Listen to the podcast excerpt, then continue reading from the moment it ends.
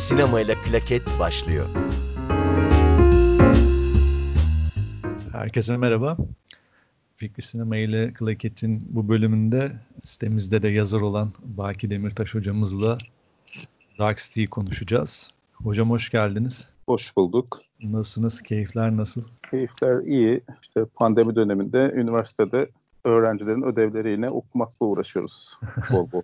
Kolay gelsin hocam. Sağ ol, sağ ol. Biz e, hocam sizinle zaten bu filmi bir 4 ya da 5 sene önce izlemiştik o zaman bir etkinlik kapsamında. Evet, evet. O zaman okumasını yapmıştınız. Hani ben bu programı da tasarlarken işte zaten kafamda o zamanki okumadan kalan bazı şeyler vardı, detaylar. Ondan dolayı bunun üzerinde bir konuşalım istedim. Bir de zaten o zaman bu bunun üzerinde bir çalışma yaptığınızı da söylemiştiniz. Hala devam Evet, ediyor evet. durumda. Evet, evet. Hala devam ediyor. Ara ara gene, gerçi araya bir sürü başka şeyler girdi ama e, biliyorsun sen de benim Dark City çok sevdiğim bir film. Evet, Ee, evet. Üzerine konuşmayı da çok seviyorum, yazmayı da çok seviyorum. Ara ara koyup herhalde 7-8 defa izlemişimdir. Ee, tekrar notlar alı- alıyorum. Ee, dolayısıyla onu kitapla hani bunu kitaplaştırıyordum bildiğin gibi. O kitaplaştırma süreci bu işte yaptığımız okumaları kitaplaştırma süreci hala devam ediyor. Bakalım ileride sonlandıracağız inşallah. Şöyle bir şey söylemiştim hatta yayından önce de söyledim size. Ee, arkeolog olarak bu filmi de bir arkeolog edasıyla bayağı bir e, kazmış durumdasınız yine çünkü bayağı detaylardan da çok şey çıkarmış durumdasınız. O Tabii tabii. ilgi Yani şu- şöyle diyebilirim. e, arkeolojinin arazide yaptığı e, kazı yöntemini bu filmde yaptım. Tabii burada arkeolojik bilgimi de kullandım işte biliyorsun işte verdiğim mitoloji dersinin etkileri çalıştığım konular vesaire zaten böyle sembolizm bunlarla ilgili. Onların da büyük faydası oluyor tabii. E, özellikle Dark City'de. Tabii özellikle e, bu tarz film okumalarında karşıma çıkan şeylerden birisi şu hocam hani bütün bir Batı sanatı özellikle e, Homeros'a ve işte Yunan mitolojisine dayanmış durumda. Bütün anlatılar e, ve yapılan işte tablolar yani görsel sanatlar özellikle bu konunun bayağı bir ardılı görünüyor hani bu E, mitoloji tabii. ve siz zaten verdiğiniz Homeros derslerinden de buradan Evet, çok alıyorsunuz. Evet, evet. Yani tabii şimdi Batı kendisini e, Yunan uygarlığı üzerine koyduğu için, oturttuğu için, kurduğu için daha doğrusu e, kullandığı temaların hepsi de genelde Yunan mitolojisine ait oluyor. E, ama şöyle de bir şey var yani Yunan mitolojisi dediğimiz şey hani günümüzden önce günümüzden itibaren yani 3000 yıllık bir hikaye. Ama aslında bu Yunan mitolojisinin neredeyse tamamı Mezopotamya ve Mısır mitolojilerinden alınmadır. Yani O başka bir durum zaten herhalde. Tabii. e, bunu da unutmamak lazım diye düşünüyorum ben. Bu mesela çok e, biraz araştırınca karşınıza çıkan bir şey ama çok da konuşulmayan bir konu aslında. O da ilginç bir E parantez. tabii o zaman Batı medeniyeti yani Batı uygarlığı diyelim. Batı uygarlığı dediğimiz şeyin merkezi doğuya kayıyor çünkü. O yüzden de çok dillendirilmez. Mesela Homeros destanlarının üzerine oturturlar. Bunu okullarda okuturlar, filmlerinde görürüz çoklukla. Ama ondan önce yazılmış bir Gılgamış destanı vardır Mezopotamya'da. Yani 2000 yıl önce yazılmıştır Homeros destanında. Evet, evet. Belki daha da fazla.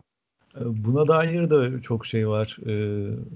Yani şimdi belki konu dağılacak ama en azından güzel bir perspektifte çizmiş oluruz. Tabii tabii. Örneğin Hermann Hesse'nin Siddhartha romanı Gılgamış'tan çok fazla alıntı var ve ben bunu daha geçen sene fark ettim. Bu kitabı çok önce okumuştum. Evet.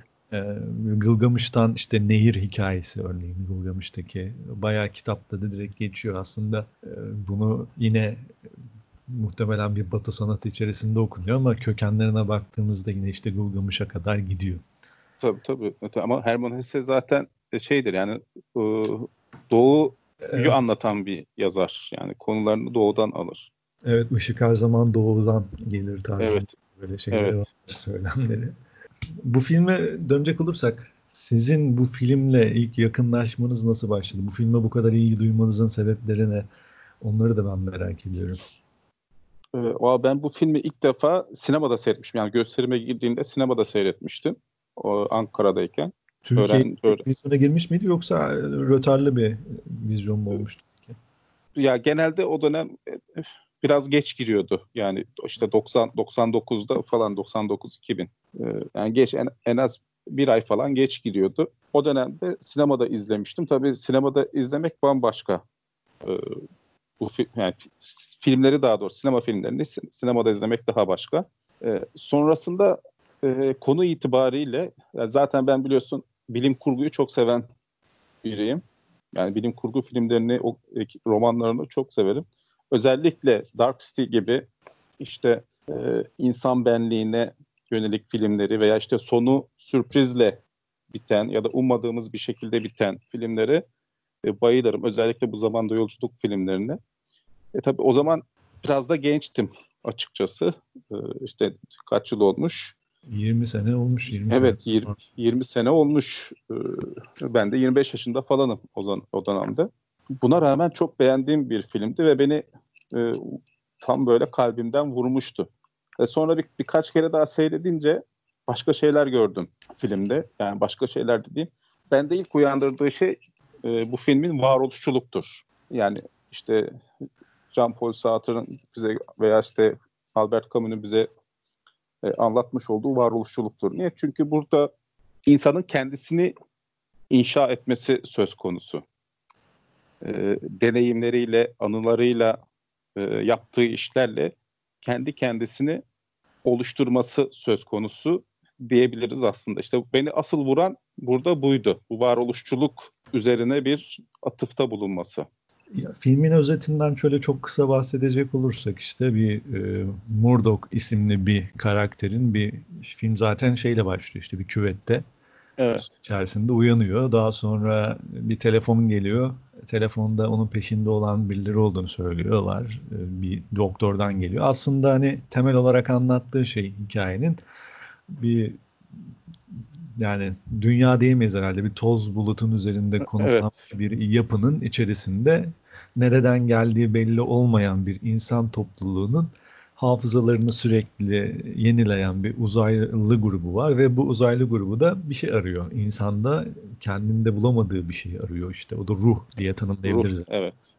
E, Bunu arıyor ve e, hikayede bunun üzerine gidiyor. Bu adam da e, Murdoch isimindeki karakter de yine işte bir seçilmiş kişi ya da farklı biri olarak konumlanıyor filmde ve o da bunu kırmaya çalışıyor. Filmde bunun üzerinden bir hikaye inşa ediyor. Şimdi filmin e, burada tabii görsel materyal olarak veremeyeceğiz ama örneğin işte Murdoch'un ilk başta ya filmin ilk 15-20 dakikası özellikle çok şey gidiyor. Hani şimdi sinemada böyle çok aşırı okumalar Evet. Vardır bazen ama bu filmde böyle yönetmen sanki özellikle işte atıyorum e, Murdoch'un çantası var. Onu özellikle gösteriyor ve işte kapı numarası var. Bunu özellikle gösteriyor. Bir balık var. Yani Bunlar mesela Evet. e, hani detay olarak belki obje olarak da durabilir ama hani gerek o kamera açıları gerek böyle yönetmenin yapmaya çalıştığı bir şey var. Bize sanki orada bir mesaj veriyor ve siz bunları bayağı Evet. çınlamıştınız. Onları da bir Evet, isterseniz. evet. Şimdi tabii bu dediğimiz bahsettiğin sahne filmin açılış sahnesi. Ee, orada dikkat edersen bir odada, banyoda daha doğrusu banyoyu yukarıdan görüyoruz. Evet. Banyo, banyonun bir kenarında küvet var. Küvetin içinde John Murdoch'u görüyoruz. Su, küvet su dolu bu arada. Bu önemli bir nokta. Ee, diğer tarafta da bir tane balık, e, fanus içerisinde bir balık var. Ee, şimdi aslında bak burada direkt ilişkiyi kura- kurabilirsin. Ee, bir küvet, su dolu bir küvet. Hatta o küvet şeydir, e, içindeki su pembemsi renktedir. Evet. Plasenta rengindedir. Doğumu Yani- müjdeliyor gibi aslında Evet. belki film. ve John Murdoch o küvette yatarken hafif böyle kıvrılmıştır. Cenin pozisyonundadır. Uyanınca böyle düz döner. Birden uyanır. Sersem bir şekilde böyle etrafına bakınır. Ee, sonra küvetten çıkar, ayağa kayar. Tam düşmek üzereyken eli bu sefer şeye çarpar. Akvaryum. Evet, evet, fanus içindeki balığın yani balığın olduğu içinde balığın olduğu fanusa çarpar ve bu fanus düşerek kırılır. Balık çırpınmaya başlar, onu alır. Bu sefer onu küvete koyar. Buradaki değişimi gel benzerliği görebiliyorsundur umarım. Yani şu aslında e, oradaki küvet aslında ana rahmi. İçi böyle pembe bir sıvı yani plasenta dolu. Hı hı. John Murdoch'un orada doğuşuna tanık oluyoruz. Çırpınarak uyanıyor. Etrafına bakınıyor böyle bir balık gibi tıpkı hani deriz ya balık hafızası var bunda hani E, unutkan insanlar için. Yani bir şeyleri hatırlamıyor belli. Etrafına bakınıyor, ortalığı tanımaya çalışıyor. Bu sırada çıkıyor ve e, akvaryumu düşürüyor. Aynı durumda bu sefer balık oluyor. O da balık çırpınmaya başlıyor yaşamak için ve onu alıp küvete koyuyor. Hayatını kurtarıyor. Şimdi burada da şu önemli. Balık e, Hristiyanlıkta İsa'nın simgesidir. Evet, Latinceden geliyor hatta değil mi? İtis, evet, ihtüs. Şey. ihtüs. evet. Evet, Yunanca bir, Latince değil de Yunanca bir kelime, evet, cümle evet. daha doğrusu o. Şu an tam aklımda değil e, tam çevirisi. Yani onların kısaltılmışı ihtüs. Yunanca aynı zamanda balık da demek. Ve bu balığı gördüğünüz her yerde bilin ki İsa'ya bir e, gönderme vardır. Bu bütün bir batı sanatı veya batı filmleri tabii, için herhalde karşımıza çıkan bir figür olarak. Tabii. Da. Resimlerde falan da çok çıkar evet. mesela bu Rönesans resimlerinde falan balık. E, su da her zaman doğumla ilgilidir. E, mesela vaftiz, Hristiyanlıktaki vaftiz olayı aslında evet. çocuğun günahlarından arınarak temizlenmesi ve yeniden doğması olayıdır. E, dolayısıyla John Murdoch'un da özellikle küvet biçimindeki küvet yani ana rahmi oradan çıkması onun yeniden doğumunu gösterir. Çünkü neden? Aslında orada bir şey vardır. Hani filmde uzaylılar için yabancılar e, deniyor. Yabancıların bir hatası vardır orada. Çünkü John Murdoch uyanması gereken zamandan önce uyanmıştır. Evet. Hatta doktor zaten sonra uyandığında evet. önce de telefon eder sonra ona. Evet, evet, evet. Zamanından önce uyanınca da e, aslında yabancıların sahip olduğu bir takım güçler kazanır. Şimdi burada da aslında şuna şey yapabilirsin. Şimdi az önce demiştik ya balığı kurtarıp şeye koyuyor, e, havuza koyuyor. Orada bir kurtarıcı rolü olduğunu görüyoruz John Murdoch'un. Aslında filmin kurtarıcısı yani İsa'sı John Murdoch. İşte Yunanca Soter. Hı hı. Ee, İsa'nın e, şeylerinden ne derler? İsimlerinden birisidir. Evet, kurtarıcı İsa. Ee, buradan anlıyorsun ki o kişi filmdeki kurtarıcı rolünde karşımıza çıkıyor ve dolayısıyla mucizeler gerçekleştirmesi için doğaüstü güçleri de var. Yabancıların benzeri olduğu şekilde. Bir de adına e, bakalım. John Murdoch aslında John'a da bakabiliriz, Murdoch'a da bakabiliriz. E, biliyorsun e, Amerikalılar ve işte yabancılarda şey var. İsimsiz bir ceset bulduklarında onu erkekse John Doe, kadınsa Jane Doe diye adlandırıyorlar. E, burada John'un adının John olması aslında onun kimliksizliğini vurguluyor. Nitekim e, filmdeki hiçbir insanın gerçek anlamda bir e, kimliği yok, kişiliği yok. Tabii, zaten bütün şey de bunun üzerine gidiyor hikayede. Evet evet. Çünkü şimdi şehir biliyorsun böyle karanlık bir şehir, güneşin hiç olmadığı, suyun hiç olmadığı bir şehir neredeyse. Çünkü yabancılar ışıktan ve sudan hoşlanmıyorlar. Dolayısıyla şehir hep karanlık ve gece saat gece 12'yi vurduğunda bütün şehir uyuyor ve yabancılar Doktor Schreber'in yardımıyla her gece her insanın hafızasını, anılarını, yaşantısını değiştirip onu yeni bir kişiliğe büründürüyorlar. E, bu anlamda e, John Murdoch'un adının da John olması aslında onun kimliksizliğini e, bir anlamda vurguluyor. Soyadı Murdoch. E, bunu da e, eski Babil'deki tanrı Marduk'la e, genelde e, şey yapıyorlar eşleştiriyorlar. E, bence de e, oraya gidebilir. Çünkü biliyorsun sonunda bir neye dönüşüyor John? Aslında bir tanrıya dönüşüyor zaten filmin Tabii, sonunda. aslında ee, bir tanrıya dönüşüyor. Yani tanrıydı zaten. Evet, evet, evet. E, adı da John Murdoch zaten. Şimdi ismine baktığında John ne demiştik? John adı bir kimliksizlik e, belirtiyor ama Murdoch bir Tanrı'yı belirtiyor. Bu da film boyunca John Murdoch'un yaşayacağı evrimi bize gösteriyor. Kişilik e, kişiliksiz demeyelim de kimliksiz bir insandan tanrısal bir insana dönüşeceğini gösteriyor bize. Yani bu aslında hani e, kamil insan dediğimiz şey en sonunda ulaşacağı nokta. Hani işte tasavvufta e, söylenen yani Tanrı'yla özdeş işte enel hak e, ben tanrıyım diyordu ya. Evet. E, sonunda yani, zaten evet e, en sonunda tamamlamış ya da e, hakikati bulmuş diye de tanımlamış işte şeyler. Evet. Evet, evet, evet. Aynen öyle. Tabii bu aynı zamanda ama şimdi Tanrı'yı bulmak demek. E, çünkü aslında filme film filme baktığımızda orada Tanrı'ya ait hiçbir şey göremiyoruz. Çünkü bildiğimiz bir dünya değil. Çünkü tarih yok. Çünkü tabii. insanların anıları yok. E, dünya da yok zaten hani bir tabii tabii. Toz bulutun üzerinde bir e, şey inşaat halinde bir şey görüyoruz zaten. Film orayı da gösteriyor. Nasıl bir dünya burası evet. baktığımızda. Tabii, ama onu en sonda gösteriyor. Filmin evet. işte o sürprizi olarak, duvarın arkasındaki şey evet. olarak da. Bir de e, örneğin filmin başında yine şeyleri görüyoruz işte. Bir valiz mesela bu yönetmen bunu bir iki kere gösteriyor. Üzerinde K ve H harfi var. Evet. KH. Evet. O tabii oradaki Carl Harris adı aslında o çanta e, bir seyahat çantası. içinde e, dikkat edersen kendisini tanımak için kim olduğunu e, öğrenebilmek için çantayı kurcalıyor. Evet, Shell Beach özellikle onu görüyor. Evet, Shell Beach çıkıyor oradan.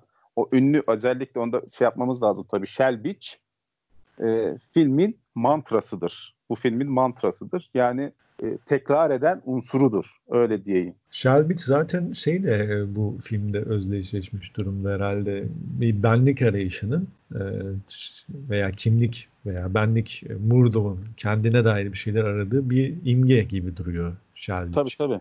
Oraya Tabii. varmak, oraya ulaşmak e, aslında bir yolculuk da filmi gibi duruyor. Evet. Ama, ama tabii Shelbich de yok aslında.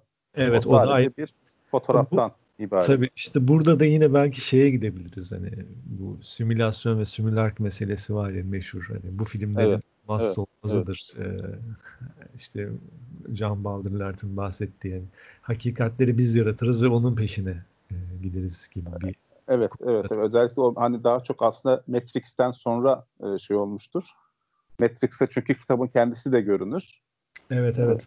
Simulaklar ve simülasyon yani, diye. elinde görürüz orada. Aslında evet. şeyi de bahsetmek gerekiyor herhalde. Bu filmde Matrix'in çok paralel ilerlemesi de çok e, şey. Yani tabii onu biz hani aramızda konuşuyoruz hani burada evet. yayında konuşmayı unuttuk ama o da çok önemli. Film aslında zaten... Dark City Matrix'ten daha iyi, güzel bir film. Ha, tamam hani biraz e, hani konuştuğumuz şey her zaman efektleri biraz daha ucuz görülebilir. E, ama anlatım, e, kurgu, anlatım ve senaryo açısından Matrix'ten çok daha iyi bir film. Çünkü Matrix bir son sonu itibariyle de Matrix'ten iyidir. E, hani sen onu biraz şey buluyorsun gerçi. Yani bunun sonu gerçi Matrix'e karşılaştırdığımızda daha güzel bir okumaya bizi tutuyor e, evet. Dark City. Dark City'nin hani şeyi de önemli. Örneğin birçok noktada paralel gidiyor işte. Merdiven sahnesi var mesela. Çok Tabii, benziyor. Evet. Çatıda koşma, takip evet. sahnesi var. Çok benziyor. Hani sanki e, Wachowski şey var. Işler, evet. Gökyüzündeki kavga sahnesi en sonunda finaldeki. Tabii, evet. Aynısı. Yani e, biraz Dark City Matrix'in gölgesinde kalmış. Yani Matrix'in o şaşalı şeyinin e, ünlünün gölgesinde kalmıştır. Halbuki aynı dönemlerde e, gösterime girer ikisi de. Ama dediğim gibi e, Dark City onun gölge aynı dönemde gösterime giren 13. kat da var bu arada.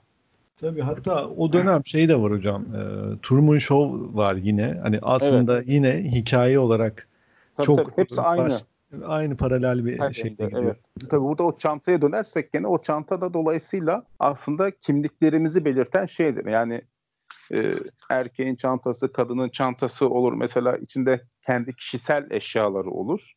Dolayısıyla o bir e, ne diyelim kişisel bir e, kutudur yani. Öyle diyelim. İçinde açtığın zaman kimliğini bulursun. O açıdan. Evet. Tabii. E, o yüzden John Murdoch e, onun içini karıştırıyor. Yani kendisine dair bir şey bulmaya çalışıyor. İşte bulduğu şey Shelbich oluyor ve Shelbich'in arayışına giriyor. Yani orası da bir işte bir şey Amerika'da bir e, sahil kasabası. Onun Bütün arayışına bir girince Şeyin aksine de sapsarı ve e, aydınlık bir yer hatta bütün e, ev- yaşadığı çevrenin aksine orası Tabii, da tabii. çok aydınlık bir yer zaten. Peki e, burada örneğin e, burada oda numarası vardı. O da çok ilgi çekiciydi. Evet. Orada yine çok üzerinde duruyor yani hani. Aslında hani bunlara böyle çok giren birisi de değilim ben. E, hani işte orada oda numarası var, şu var falan böyle okumalara da çok giren biri değilim ama bu filmde yönetmen sanki bunu e, gözümüze sokuyor gibi yapıyor. O yüzden e, böyle bir okumaya da tabi tutulması çok muhtemel bir film. Tabii aslında e, hani biz hep yine çok konuştuğumuz şeydir. Hani acaba yönetmen bizim yorumladığımız şeyi mi demek istedi orada? Yoksa biz mi öyle diyoruz? Ama zaten önemli olan da budur. Bize onu düşündür düşündürtebilmesidir. Tabii. E, bu yüzden aslında rakamlara falan bakmak lazım ki bak istersen ben sana e, okuyayım. 614'tü oda numarası. E, bu şu demek İncil'de 614'e bakacağız. Ama neye bakacağız? E, John. Adamın adı John. John e, bölümüne bakacağız. Yani Yuhanna'ya bakacağız. Yuhanna 614. Bak aynen şöyle yazıyor. İnsanlar onun yaptığı bu alametleri görünce dünyaya gelecek peygamber gerçekten de budur demeye başladılar. Şimdi biz bunu okuduğumuzda da zaten hikayeyle çok paralel bir şey karşımıza çıktığı için yönetmenin bunun tercih etmesi de muhtemel görünüyor bence. Tabii. Yani hani şey değil bambaşka bir şey de çıkmadığı için çok uyumlu bir e, okuma oluyor o yüzden. Tabii tabii. O yüzden yani numaralara bakmak lazım ki yani baktığımızda e, bir peygamber gibi, bir kurtarıcı gibi daha doğrusu dünyaya gelecek olan kişiden bahsediyor. E, İncil'deki bu e, bölüm bize. E, bu yüzden şey değil. E, çok da Tesadüf. abes değil aslında. Evet bir tesadüf gibi de durmuyor zaten. Yok tabii kesinlikle değil. Yani anlamına baktıktan sonra buna tesadüf diyemeyiz kesinlikle. Evet. Film için örneğin e, bir dedektiflik hikayesi içerisine girmeye başlıyor. Evet. İşte bu da yine yapı olarak bize şey sunuyor film. Neo-noir filmi Evet. Diyebileceğimiz bir tanıma giriyor. Tabii bunun üzerinde böyle çok değişik yorumlar da var işte. Örneğin distopya filmi, distopik bir film deniyor ama şundan dolayı denemiyor. İşte bir dünya tasviri yok neticede deniliyor. O yüzden bir distopyada bir dünya tasviri olmak zorunda diye bir tanımlanıyor. E, Cyberpunk deniyor fakat e, Cyberpunk'ın da olmayan noktaları var. Cyberpunk olmayacak noktaları da var film tür olarak. Evet. Ama temel olarak bizim tür e, bağlamında söyleyebileceğimiz e, kesin bir şey varsa o da bir kara film. E, hatta siz de şey demiştiniz. Bir bilim kurgu kara film mi? Öyle bir şey Evet. söylemiştiniz. Kara bilim. Kara bilim kurgu. Evet. Şimdi bilim kara filmlerin e, özellikleri işte yüksek kontrastlı böyle karanlık görüntüler ve dedektiflik hikayeleriyle örtüşen bir mizanseni var. Bu filmde bu var ve üzerine bir zaten bilim kurgu mizanseni var. Bu da bu Evet, açıdan evet. fotoğrafa çok uyuyor zaten. Tabii bir de şey var şimdi kara film dediğimiz şey aslında işte 50'ler 60'lardaki özellikle bu siyah beyaz filmler. Buna neo deniyor işte. Bir Evet. şeyden sonra başlıyor. Yani bir birkaç film şimdi ismini tam hatırlamıyorum ama onlardan sonra başlayan bir janr olarak tanımlanıyor. Evet. Hani Filmin yap bu filmin yapısı da hani Dark City aslında kara film olmaya çok müsait. Nitekim öyle de yapmış. Yani her şey gölge olarak beliriyor önce. Böyle ıslak e, yerler var işte hamam sahnesi vesaire. Yüksek yapılar var, yüksek kemerler. Tabii tabii Ee, ve yine bu karanlık ışık e, muhabbetine girmişken burada şey üzerine de bir okuma tabii yapılıyor. Yine e, filmin bütünüyle baktığımızda yine o Platon'un meşhur mağara alegorisi. Evet. Burada yine okumaya tabi tutuluyor böyle birkaç yerde gördüm bu film üzerinden. Mağara alegorisi bizim gerçekliğimizi sorgulamamızla ilgili bir şey. Yani aslında gerçek sandığımız şey tamamen e, başka bir durumun yansıması. Öyle diyeyim. E, e, Dark City'ye baktığımızda aynı o mağara alegorisinde olduğu gibi arkada işte gölgeleri yapan ellerindeki nesnelerle gölgeleri yapan bir insan şey e, kişiler var mağaradakiler de karşılarındaki duvarda yansıyan bu gölgelere bakıyorlar ve orayı gerçek dünya sanıyorlar. Dark City'de yabancılar bu işi yapan kişiler. İşte bu yüklemelerle, yükleme diyorlar onlar e, biliyorsun bu kişilikleri yüklüyorlar. Bu yüklemelerle insanların gerçekliğiyle oynuyorlar. Yani aslında gerçek diye bir şey yok orada. Madde var. Yani tabii gerçeklik tanımı da sorgulanabilir e, burada. Aslında çok şey sorgulanabilir. Gerçek nedir? Yani Belki de filmin zaten en temel sorusu bu. Gerçek dediğimiz şey e, bizim bir tasarımımız mı yoksa var mı yok mu? Bunlar zaten bize evet. bıraktığı sorular filmin. Ya ben şöyle bir şey düşünüyorum bu filmle ilgili. Özellikle mesela gerçek dediğimiz şey nedir? Gerçek yani yaşadıklarımız, birikimlerimiz ve anılarımızdır diyor film. Gerçek olan bu. Yani gerçekliği bunlar yaratır. Bunlar yoksa ki filmde bunlar yok. Biz de gerçek değilizdir diyor. Evet yani o varoluşçu şey işte yani yokuz aslında. Tamam. Evet.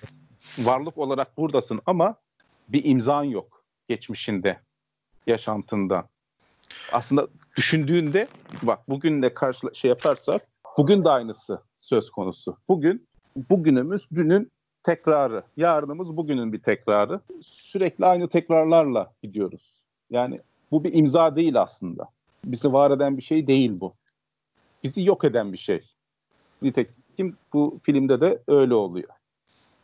Bu filmin e, bu bağlamda güzel bir okumaya tabi tutuluyor tabii işte gerçeklik, simülasyon e, durumu.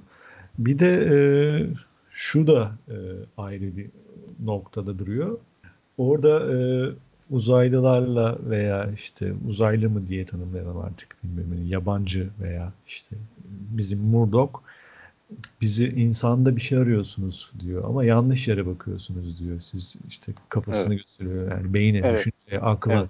Aslında işte ya, oraya bakmaman gerekiyor. Biz orada tabii şey anlıyoruz yani biraz daha duygu veya akıl dışılık. Burada e, film de insanı biraz e, sizin de söylediklerinizle paralel olarak şöyle bir noktada tanımlıyor. Aslında bir irrasyonel şeyler bütünüyle bir tamamlanan bir durum içerisinde insan. Aslında insan yani felsefe geleneklerinde de işte çeşitli terminolojide de insan irrasyonel bir canlıdır, rasyonel değildir diye tanımlanan çeşitli filozoflar var. İşte Nietzsche evet. ve sonra devam eden. O açıdan da bir okumaya tanım şey yapılabiliyor. Burada şunu da belirtmek lazım ya şimdi yabancılar kolektif bilince sahipler. Yabancı derken biz şeyden bahsediyoruz, uzaylılardan bahsediyoruz. Evet, uzaylılardan bahsediyoruz. yabancı der, evet. Yani, işte... yani bizim burada kullandığımız yabancılar tanımı filmdeki hı hı. E, uzaylı kişiler, onlara yabancılar adı veriliyor. E, yabancılar kolektif bilince sahip ve birey değiller. Toplumlar sadece. Evet. Anlatabildim mi? Yani birinin hissettiğini diğeri de hissediyor. Yani şey olarak hissediyor. Ee, Hissetme değil de belki e, görme, düşünme. E, ya, evet, evet, evet. Yani bireysel olarak düşünemiyorlar. Toplumsal olarak düşünüyorlar ve onların istedikleri birey olmak. Yani insan olmak, kişi olmak. Evet. Ve insanlar buna sahip. Ama e, nasıl oluyor da buna sahip oluyorlar diye işte biliyor bir kişiyi bir gün önce zengin yapıyorlar sonra fakir yapıyorlar. Bu bunun arayışına giriyorlar biraz aslında. Sizi evet, e, evet. insan yapan ne ve sürekli hafıza değiştirerek bunu elde edeceklerini düşünüyorlar ama Düşün, ama tabii öyle olmuyor. Çünkü hani bir gün zengin, bir gün fakir, bir gün başka bir hatta bir gün e, şeyci, resepsiyon memuru, bir gün dışarıda gazete satan adam büfeci e, yapıyorlar mesela birilerini ama tabii burada unuttukları şey dediğim gibi tarih, geçmiş. Onların geçmişi yok tarihi yok yani kişisel olarak tarihi yok. O sürekli her gün yeniden yaratılıyorlar. Zihinsel olarak yeniden yaratılıyorlar. Yeni yüklemeler yapılıyorlar. Dolayısıyla o birikim olmayınca hani bizi var eden acılarımızdır falan yani denir ya bu tür şeyler. Evet. Ee, işte bunlar olmayınca birey de olamıyorsun. Dolayısıyla istedikleri amaca ulaşamıyorlar. Murdoch da şey yapabiliyorlar. Çünkü Murdoch yabancılar gibi yabancılara dönüştüğü için erken uyandığından onlarla iletişime geçebiliyor. Yani onlar daha doğrusu onunla iletişime geçebiliyorlar. Ve bu sayede onun insanlığını alabileceklerini düşünüyorlar. Kişiliğini veya işte bilincine sahip olabileceklerini düşünüyorlar ama e, gene olmuyor. O zaman işte e, yanlış yerde aradınız diyor John. E, yani zihin yerine kalbi kalbi e, gösteriyor. Hisset, evet. sezgi. Aslında insan işte biraz e, bildiklerinden ziyade sanırım e, hayatına yön veren şeyler daha çok sezgileri ve hissettikleri diyor. Filmin tabii. herhalde söylediği bir cümle tabii, bu. Tabii, evet. Buna biz ne deriz bilmiyorum şimdi. Bu çok tartışmalı bir şey. Ama hani e, neticede ben hani biraz da filmleri şöyle de tanımlıyorum. Hani söyleyecek bir sözü var filmin ve bunu söylüyor. Sakınmadan da söylüyor. O açıdan ben başarılı buluyorum filmi ve bu e, kaçmıyor da film bunu söylerken işte. Net bir şey çizmiş yönetmen, senarist artık ve bunu bir şekilde bir e, dünya kurarak, tasvir ederek de güzel bir dünya kurarak da aktarıyor. Hı hı. Burada bir de şimdi filmde e, Valenski karakteri de önemli bir pay şey yapıyor. Ya, evet. Tutuyor. Evet, Hatta aslında... şey de var. E, bir labirent e, sahnesi var. Bir de e, bir orası da benim aklımda kalmıştı.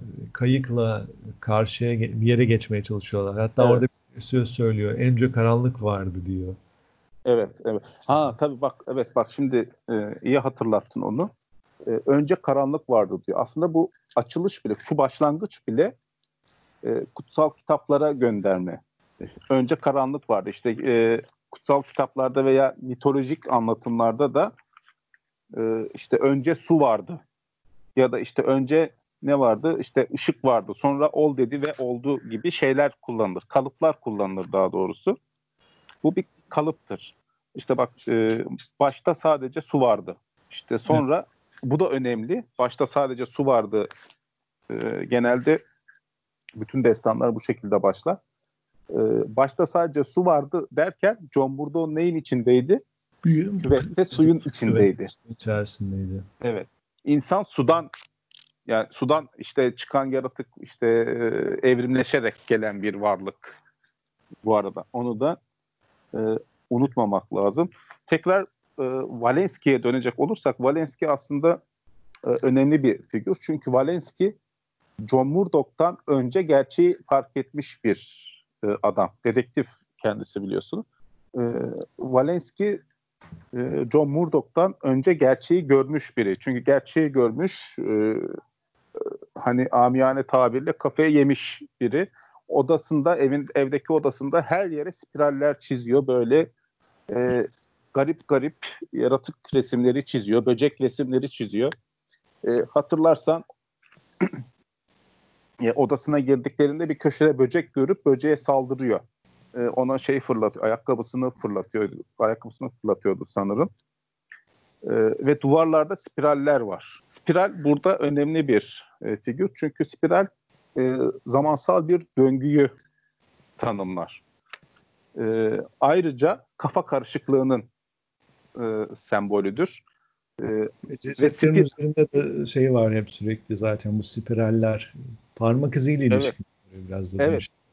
Şeyin, John Murdoch'un parmak izi spiral mesela. Evet. John Murdoch'un parmak izi spiral. Ee, yine e, filmdeki dedektif e, kahve içerken onda da bir spiral beliriyor böyle.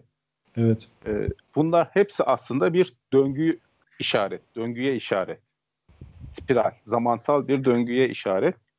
E, nitekim e, bu Dark City'de yani şehirde bildiğimiz anlamda bir zaman şeyi de yok. Mefhumu da yok. Çünkü güneş doğmuyor, batmıyor.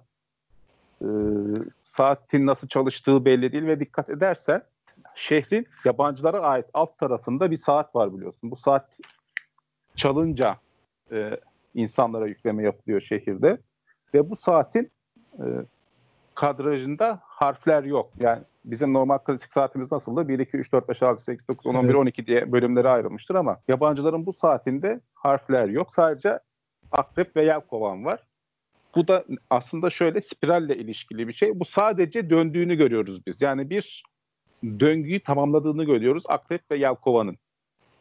Yabancılar için saatin kaç olduğunu çok önemi yok. O döngünün tamamlanmış olması önemli. Tamamlandıktan sonra bütün şehir uyutuluyor ve döngü devam etmeye başladığı an bütün şehir tekrar e, uyanıyor. Bu açıdan önemli. Aslında spiral önemli. Valenski duvara çizdiği mesela böyle e, garip çizimler var. Böyle prehistorik çizimlere çok benziyor o.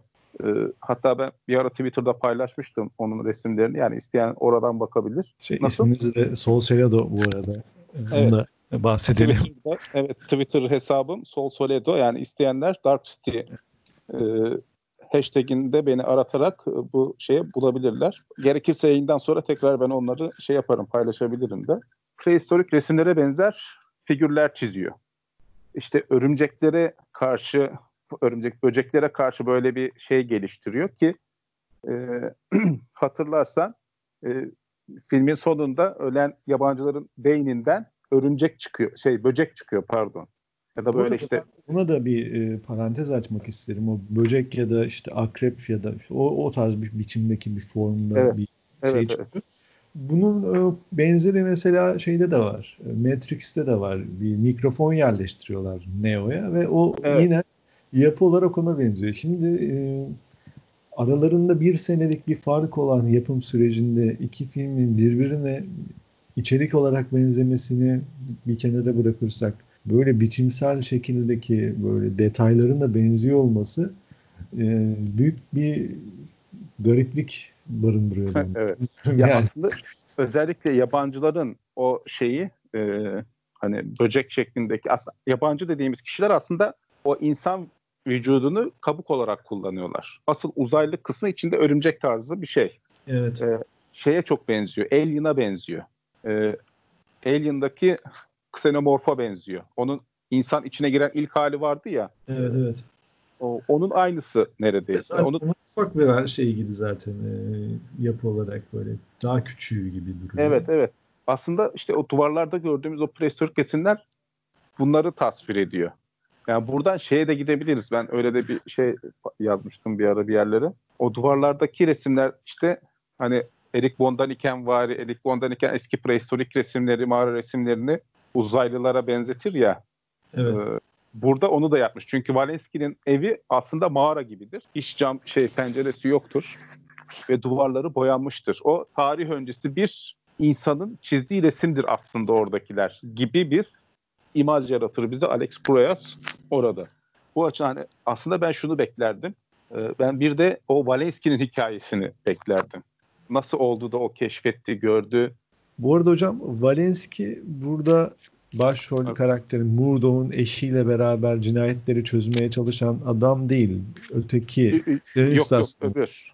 Evet, önce tren istasyonunda sonra da e, evine gidip ziyaret ettikleri kişi eski bir Evet. dedektif. Bir meczup gibi hatta böyle Evet evet. kafayı evet. gibi bir e, adam. Ama o zaten şey Valenski filmde bize zaten bir göz kırpıyor hani aslında o karakter inşa neden edilmiş bu filmde. O da merak uyandırıcı bence de.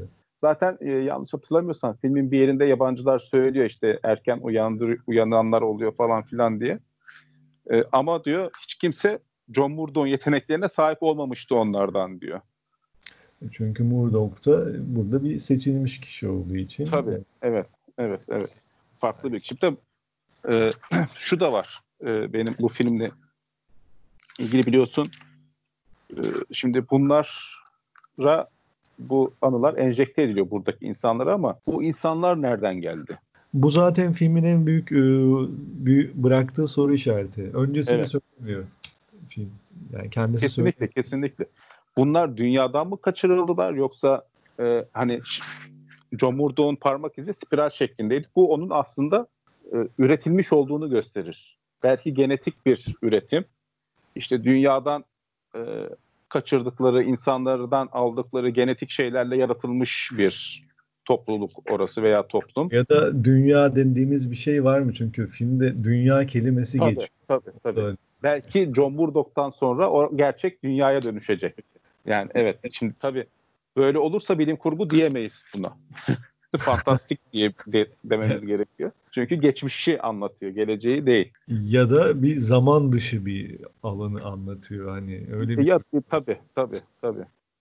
Zaman dışı bir alanı anlatıyor. Yani tabii burada bahsedilecek çok şey var. Mesela benim özellikle e, sevdiğim şeylerden bir tanesi Metropolis Evet evet Metropolis'te de çok paralel. Zaten bu filmlerin herhalde göndermesi. e, atası o. e, Evet. Hatırlarsın e, neydi? Metropolis'teki kadının adı? ismini- Maria. Maria. Maria. E, Maria'nın yüzü e, yabancıların saatin saatini kapatan bir yüz var hatırlarsa. Hı. Ona gönderme yapıyor. Heykel şeklinde bir yüz var. O açıldığı zaman içinden yabancıların saati çıkıyor, sonra kapanıyor. O yüz aslında direkt şeyden gelme. E, Metropolis'teki Maria'nın yüzü veya işte bu Star Wars'taki e, robotlar var ya iki tane uzun olanın. Şimdi şeyini bilemedim. Ben de hatırlayamadım. işte o da mesela Metropolis'teki Maria'ya göndermedir. E, bu da önemli. Yani belki de ilk bilim kurgu diyebileceğimiz e, filmi Alex Proyas unutmamış. Ona da bir gönderme yapmış ki daha sonra e, Alien'ın devamı olan Prometheus bence e, Dark City'ye gönderme yapar. Çünkü e, biliyorsun Prometheus'un afişinde bir yüz vardı. Hatırlıyorsundur. Yine o evet, mühendisler evet. denilen kişileri gösteren bir yüz vardı. O yüz de Dark City'deki o saati örten yüze benzer. Sima olarak benziyor daha doğrusu. Tabii tabii. Evet, sima olarak. Sima olarak çok benziyor. Bir de örneğin hani burada yabancıların da ya da uzaylıların da şeyi var filmde. Kendilerini insan insanlardan insan ırkından daha üst bir seviyede kuruyor. Çünkü şöyle bir şey de hissediyordum ben, hissetmiştim filmi izlediğimde. Orada e, Murdo'u yakalamak için onun anılarını bir adamı yüklediklerinde o evet. sanki bundan bir utanç da duyuyor gibi hani bir insanın belleğini sahip olmak e, burada onun için sanki alçaltıcı bir şeymiş hissine kapılıyor ve filmin sonunda o Murdoch'la yabancıların liderinin e, çarpıştığı sahnede de hani ben işte daha güçlüyüm bir insandan kaçamam tabii ki o heybetiyle ve o şeyle durmaya çalışıyor karşısında. Onu da görüyoruz biz mesela. Hı hı. İnsandan daha üst bir konumda ama ara insanda da bulamadıkları bir şey var aslında. Yani bir yandan küçük görüyor gibiler ama diğer yandan da bu küçük gördükleri şeyin içerisinde keşfedemedikleri bir şey var. E, tabii aslında düşünürsen yabancıların durumu e, bugün biz insanların ulaşmaya çalıştığı durum. Kolektif bilinç ortak bilinç daha doğrusu. Özellikle yani, moderniteyle beraber gelen. Evet. Evet, o, evet. Ama işte orada bir şeyler eksik oluyor. Ruh eksik oluyor daha doğrusu. Yani toplumda ruh arayamazsın. Anlam arayamazsın daha doğrusu. O e, kişisel olarak verebileceğin veya kazanabileceğin, yapabileceğin, hayatına katabileceğin bir şeydir. Nitekim orada e, dediğin gibi John Murdoch'un alınlarını yaban o şeye oradaki uzaylardan birine enjekte edince adam onu kaldıramıyor zaten. Farklı bir kişiliğe bürünüyor. Ee, bunu pek de hoş da karşılamıyor gibi böyle zaten. Evet, evet. Rahatsız da oluyor bu durumdan. Zaten hatta o tarz bir şey de söylüyordu. Tam hatırlamıyorum şimdi filmi böyle ilmek ilmek pek hatırlamıyorum ama hı hı. E, buna benzer bir söylemi de vardı. Peki Shelbich e, konusuna değinecek olursak Shelbich'i biz yine konuşmanın başlarında bir ufak bahsettik ama bu da tartışmaya evet. yine açık bir şey e, durum. Bizim Murdoch evet. karakteri Shelby'ci arıyor filmin evet. başından beri. Yine bir... Çünkü Shelby'ç Shelby'çi çocukluğunun geçtiği yer olarak hatırlıyor. Ee, sürekli imgesinde biliyorsun o Shelby'çte yaşadığı şeyler e, canlanıyor. Baya orası da böyle filmin aksine ışıklı, e, masmavi denizi olan bol güneşli bir yer ve e, her kime sorsa işte Şerbiç'e nasıl giderim diye sorduklarında işte şu metroya bin ondan sonra devam et diyorlar ama bindiği hiçbir metro oraya gitmiyor. Yani oraya giden de yok, gören de yok. Ve biz sürekli e, dışarıda yoldayken Şelbiç reklamını görüyor. E, televizyonda Şelbiç şeyini görüyor veya başka yerde bir Şelbiç ilanı görüyor. E, dediğim gibi başta Shelbich burada bir mantra aslında. Mantra nedir? Hani Sanskritçe mantra bizi düşünmeye sevk eden şey demek. Düşünme aracı demek. Burada zaten Shelbich örneğin e, kime sorsa hani herkes biliyor musun yerini? Evet biliyorum diyor ve tarif et o zaman dediğinde evet. kimse aa neredeydi falan herkes bir kalıyor zaten. Burada evet. şey var e, hani filmin belki tartıştığı nokta da bu. Kendimizi tanıyor muyuz? ne kadar tanıyoruz sorularını belki. Shelby aracılığıyla soruyor. Çünkü Shelby evet. Bir nevi şey aynı zamanda bir Murdoch'la özdeşleşen bir benlik arayış. Orayla özdeşleştiriyor. Geçmişini, kimliğini. Evet, evet. Filmin, filmde öyle bir simgeleşmiş durumda. Evet. Nitekim e, en sonunda orayı şey yapamıyor. E, hani gidemeyince dedektif Bumstead işte o e, ölümleri araştıran dedektifin adı. Evet. O ve Doktor Schreiber'le birlikte oraya gitmek istiyor. Beni diyor buraya götürün diyor onları. Şey, e, Schreiber'e söylüyor. Yanında Bumstead var. Ve o da tamam diyor. Onu alıp böyle e, duvarlarla örülü bir yere götürüyor. Orada Shelbich resmini görüyoruz biz gene. Ve kırmaya başlıyorlar. Shelbich ilanını yırtıyor orada. Arkada bak çok ilginçti. Kırmızı bir duvar çıkıyor. Evet. Ee, kırmızı bir duvar çıkınca bu sefer duvarı kırmaya başlıyorlar. Ee, John Murdoch duvarı kırmaya başlıyor. Ve duvar kırılınca bir bakıyor ki arkada uzay görünüyor. Yani hiçbir şey yok. Shelbich vesaire hiçbir şey yok. Burada ilginç olan kırmızıdır. Filmde filmin çoğu sahnesi yeşil tonları hakimdir. Özellikle en başta e, banyodaki o uyanma sahnesinde. Bu bana şeyi hatırlatıyor. Yeşil Green Box. Yani Green Box nedir? Sahte bir dünya yaratmak Sahte için kullanılır. Bir, bir yandan da yeşil aynı zamanda şey hissini de veriyor tabii. Bir çürümüşlük hissini de veriyor sanki. O da başka tabii. bir parantez. Yani bunlarla uyumlu bir renk tonu zaten.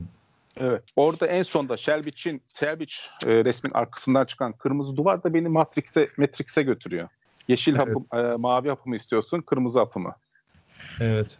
Ee... Kırmızı her zaman gerçekliği örten, gerçekliği saklayan renktir. Kırmızı tuğlalı duvarı kırdığı zaman tabii kıpkırmızı bir tuğla değil o biraz böyle kahverengiye çalan bir kırmızı.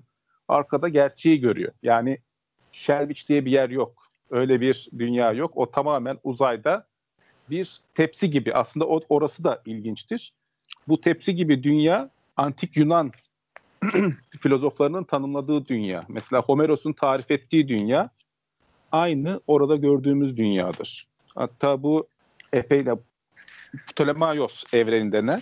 İşte e, yuvarlak bir tepsi düşün. Bu şekildedir. E, met, şey, Matrix diyorum. E, Dark City'nin şehri de bu şekildedir. Ve bu insanlığın ilk başında insanlık böyle tasavvur etmiş mesela dünyayı. Tepsi bir yuvarlak bir tepsi şeklinde. Sonra gittikçe zaman geçtikçe o yuvarlaklaşmış.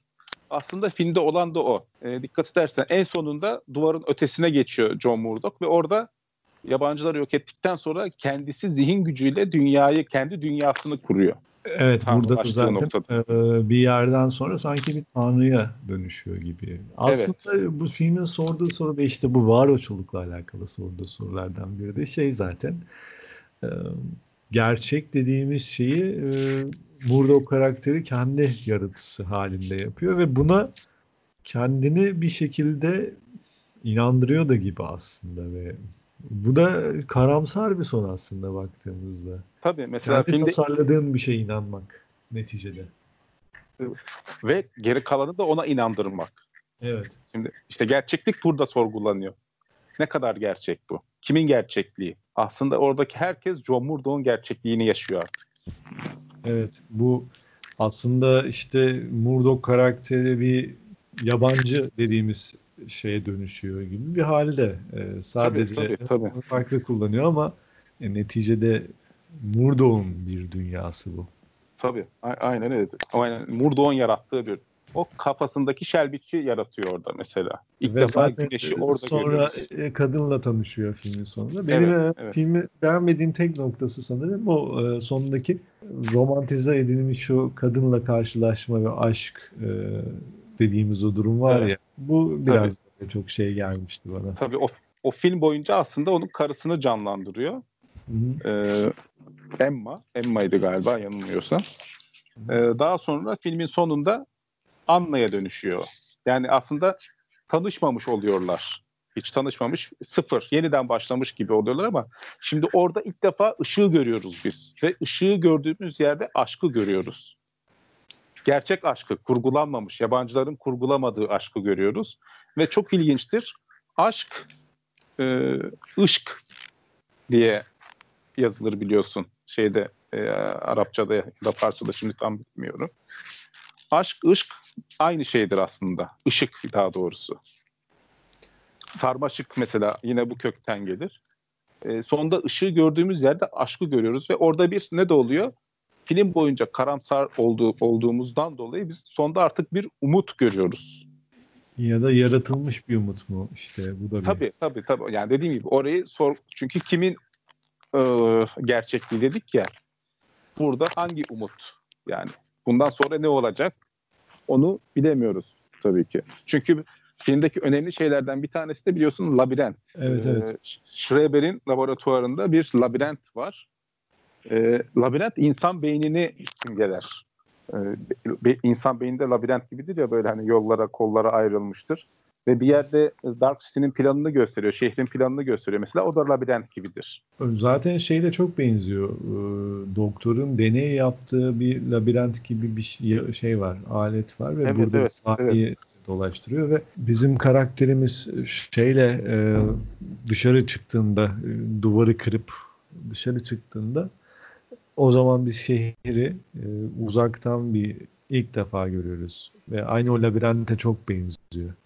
Tabii evet. İşte o labirent e, o karışıklık, kaos, e, karmaşayı simgeliyor ki e, labirentin kollarına dikkat edersen hafif böyle spiral, yuvarlak bir labirent oradaki. Tabii, evet o da spiral. O da evet spirale doğru bir gönderme yapıyor. Bu açıdan da önemli. Son olarak da şuna değinebiliriz. Hani Alex Proyas e, kariyerinde az ve öz film yapmış bir yönetmen sanırım. Bir The Crow var. E, evet. Sevilen bir film. Dark City var. Ama ben yine de böyle değerini çok fazla hani Alex Proyas e, sineması diye bir şey inşa edilmiş midir? Yönetmen sineması var mıdır dediğimizde benim kafamda bir yönetmenin bir stili var. Bu canlanıyor kesinlikle. Ama sanki değeri de yeteri kadar dinlememiş bir yönetmen gibi geliyor bana. Ee, ya evet aslında şöyle şimdi e, The Crow, e, Dark City, Crow'dan önce bir filmi daha var Avustralya'da çektiği. O çok güzel bir film. Şimdi uzun bir adı var. E, isteyen onu IMDB'den bakabilir. O da çok güzel bir film. Tam aslında bu filmleri öncüllüyor. Bu kadar karanlık değil gerçi ama yani Crow ve Dark City kadar karanlık değil ama bunları öncüleyen fantastik yapısı olan bir filmi var. Çok güzel bir film. Tavsiye ederim. Ee, Knowing var mesela. Ee, şeyden sonraydı galiba. Ben Robot'tan sonra çektiği Knowing var. O da kötü çok kötü filmleri de var bu arada hani gerçekten şeyleri var yani hani onu da söyleyebiliriz hani ne bileyim kehanet filmi de mesela iyi gidiyordu ee, sonradan şeye bağlıyor ya. Knowing, Knowing dediğim kehanet. evet evet ya ben robot da ya böyle mesela The Crow ve e, Dark City gerçekten başlık. Tabii. Ben atmosfer filmi. filmi. Onlar atmosfer filmi. Gerçekten Alex Proyas dediğimizde kafamızda canlanan atmosfer o aslında. Tabii tabii. Özellikle bunu çok iyi başarıyor. O karanlık film e, evet. temasını çok iyi yansıtan bir yönetmen. Ben Robot o kadar iyi değildi mesela. Evet evet. Ben Robot çok e, iyi kalan bir film bu saydıklarımız arasında. Ben o zaman e, teşekkürler hocam. E, çok keyifli bir sohbet oldu. Ben teşekkür ee, ederim. Valla Dark City üzerine daha da uzun uzun konuşurduk muhtemelen ama daha da fazla uzun bir yayın olmasın. Evet evet. Yine... Kitabı çıkarsa ileride gene konuşuruz. Evet, evet. O zaman Onu videolu söyleyecek. bir şey yaparız. evet. Umarım e, bitirebilirsiniz bu arada. Umarım.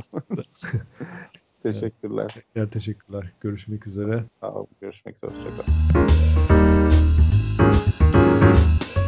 Fikri Sinema ile Klaket sona erdi.